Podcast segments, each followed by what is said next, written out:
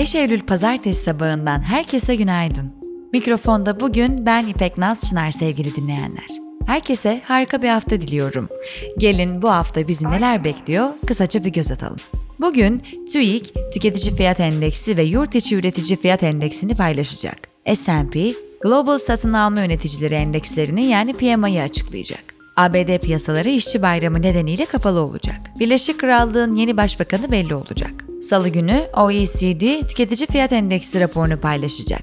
JP Morgan, global birleşik satın alma yöneticileri endekslerini açıklayacak.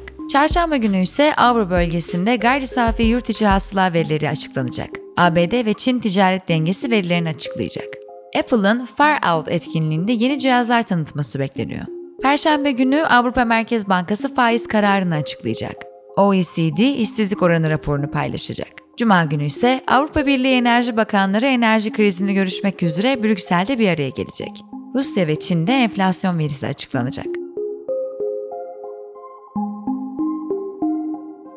Bugünün bülteni BMI Business School destekleriyle ulaşıyor. Güncel eğitim programlarıyla donanımlı liderler yetiştiren BMI Business School, 2022 akademik yüz dönemi takvimini incelemek isteyenleri bültene davet ediyor. Piyasalar ve ekonomi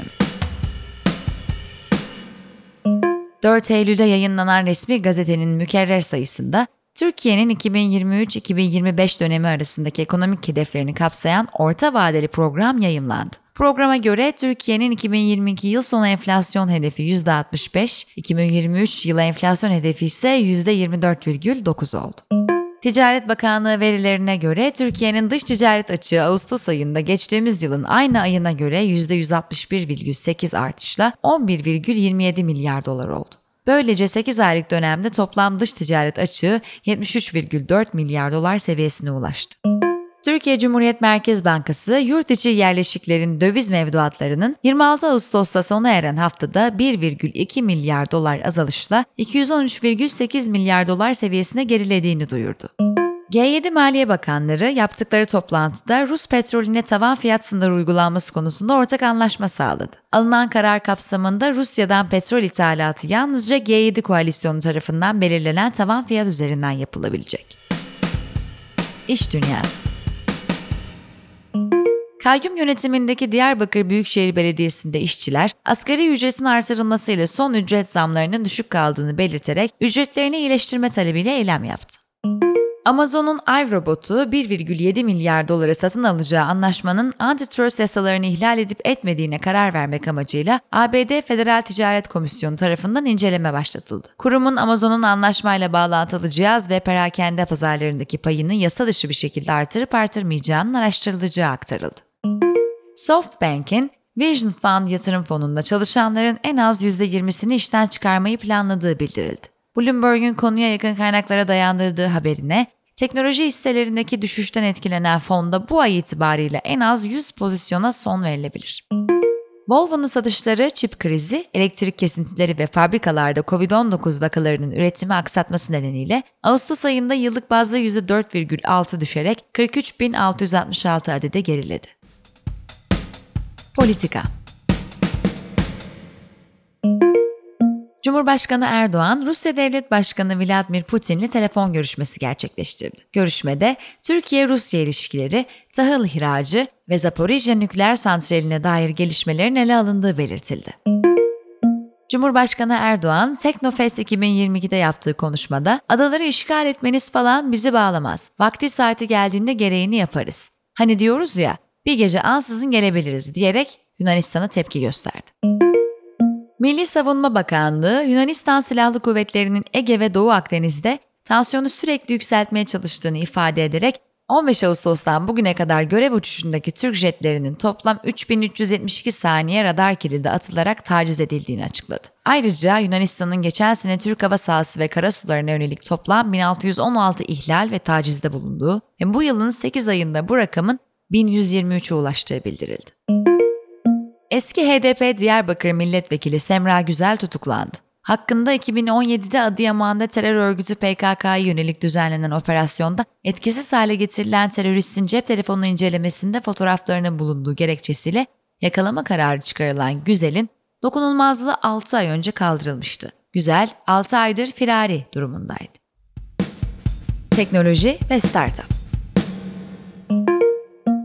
Avrupa Birliği e-atık miktarını azaltmak amacıyla cep telefonu ve tabletlerin daha uzun ömürlü olmasını sağlamaya yönelik yeni kurallar önerdi. Buna göre kullanıcıların batarya, ekran, şarj cihazı, sim ve hafıza kartı gibi parçaları değiştirebilmesini sağlamak amacıyla üreticilerin bir telefonu piyasaya sürdükten sonraki 5 yıl içinde en az 15 bileşen kullanıma sunması gerekecek. Ayrıca cihazların batarya, darbe ve suya karşı dayanıklılığının da iyileştirilmesi hedeflenecek. iPhone'un ABD'de ilk kez Android telefonları geride bırakarak en çok kullanılan akıllı telefon olduğu bildirildi. Buna göre iPhone'un Haziran ayında ABD pazar payının %50'sini oluşturduğu aktarıldı.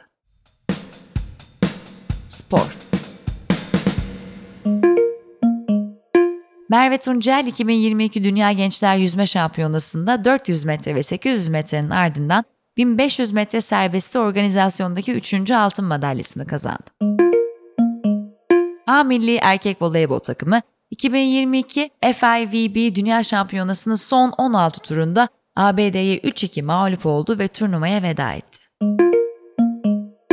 A Milli Erkek Basketbol Takımı Eurobasket 2022 A grubunda iki uzatmaya giden maçta Gürcistan'a 88-83 mağlup oldu. Grupta ikinci maçında Bulgaristan'ı 101'e 87 mağlup eden Türkiye 3 maçta 2 galibiyet aldı.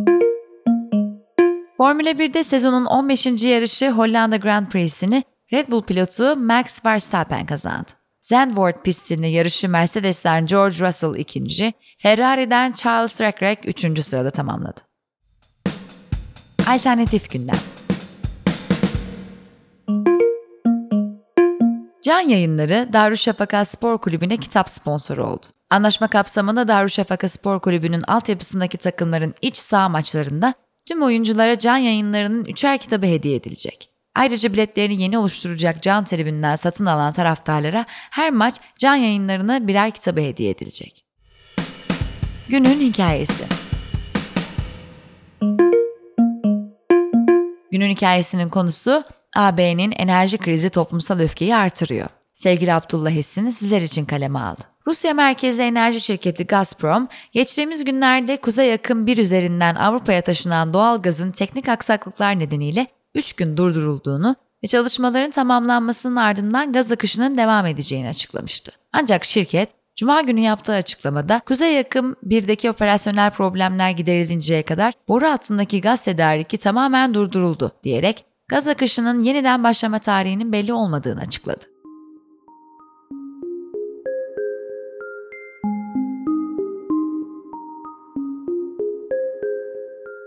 Evet sevgili dinleyenler daha önce belirttiğim gibi sizlere harika bir hafta diliyorum.